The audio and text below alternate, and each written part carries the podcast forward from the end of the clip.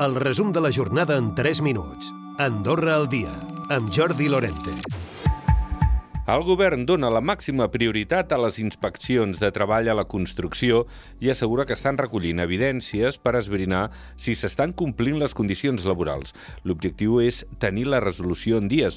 En parlava el ministre portaveu, César Marquina. Els incompliments, si aquests, insisteixo, si aquests existeixen, eh, com a mínim el que podem assegurar és que anem fins al final, eh, sigui de l'àmbit que sigui. De fet, aquesta és l'advertència que fa l'executiu que ha intensificat les inspeccions de treball en el sector de la construcció davant la possibilitat que hi hagi treballadors en condicions precàries. La llei de relacions laborals estableix les garanties dels treballadors amb activitats sindicals durant el temps que s'exerceix una representació, per exemple, en un comitè d'empresa.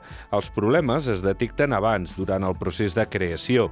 Així, en sectors com el de la neteja, l'USDA té constància que treballadores que pretenien crear una branca sindical han patit represàlies, en alguns casos, en manera d'acomiadament canvien les tendències de consum i, per tant, també les reclamacions. Enguany han pujat molt i han passat de 830 al 2021 a superar les 1.300 l'any passat.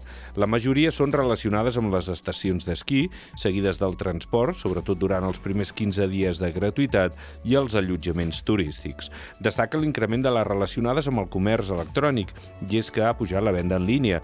N'ha parlat el director d'Empresa, Comerç, Desenvolupament Industrial i Transport, Josep Pujol habitatge han baixat respecte al 21, teníem habitatge, allotjaments turístics, eh, vehicles, en vehicles també en, teníem, en teníem moltes, hi ha més coneixement per part dels compradors dels drets que tenen, potser, i, i també les obligacions que té el comerciant, potser també això ha fet que, que vagi baixant. No? I Canilló ha estat l'última parròquia a aprovar els pressupostos d'aquest 2023, que estan xifrats en 20,2 milions d'euros.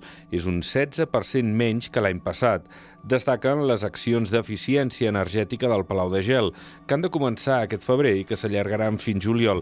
A més, el Comú ha previst injectar 800.000 euros per cobrir les tasques de manteniment i les pèrdues d'explotació, que es preveuen superiors a les de l'any passat.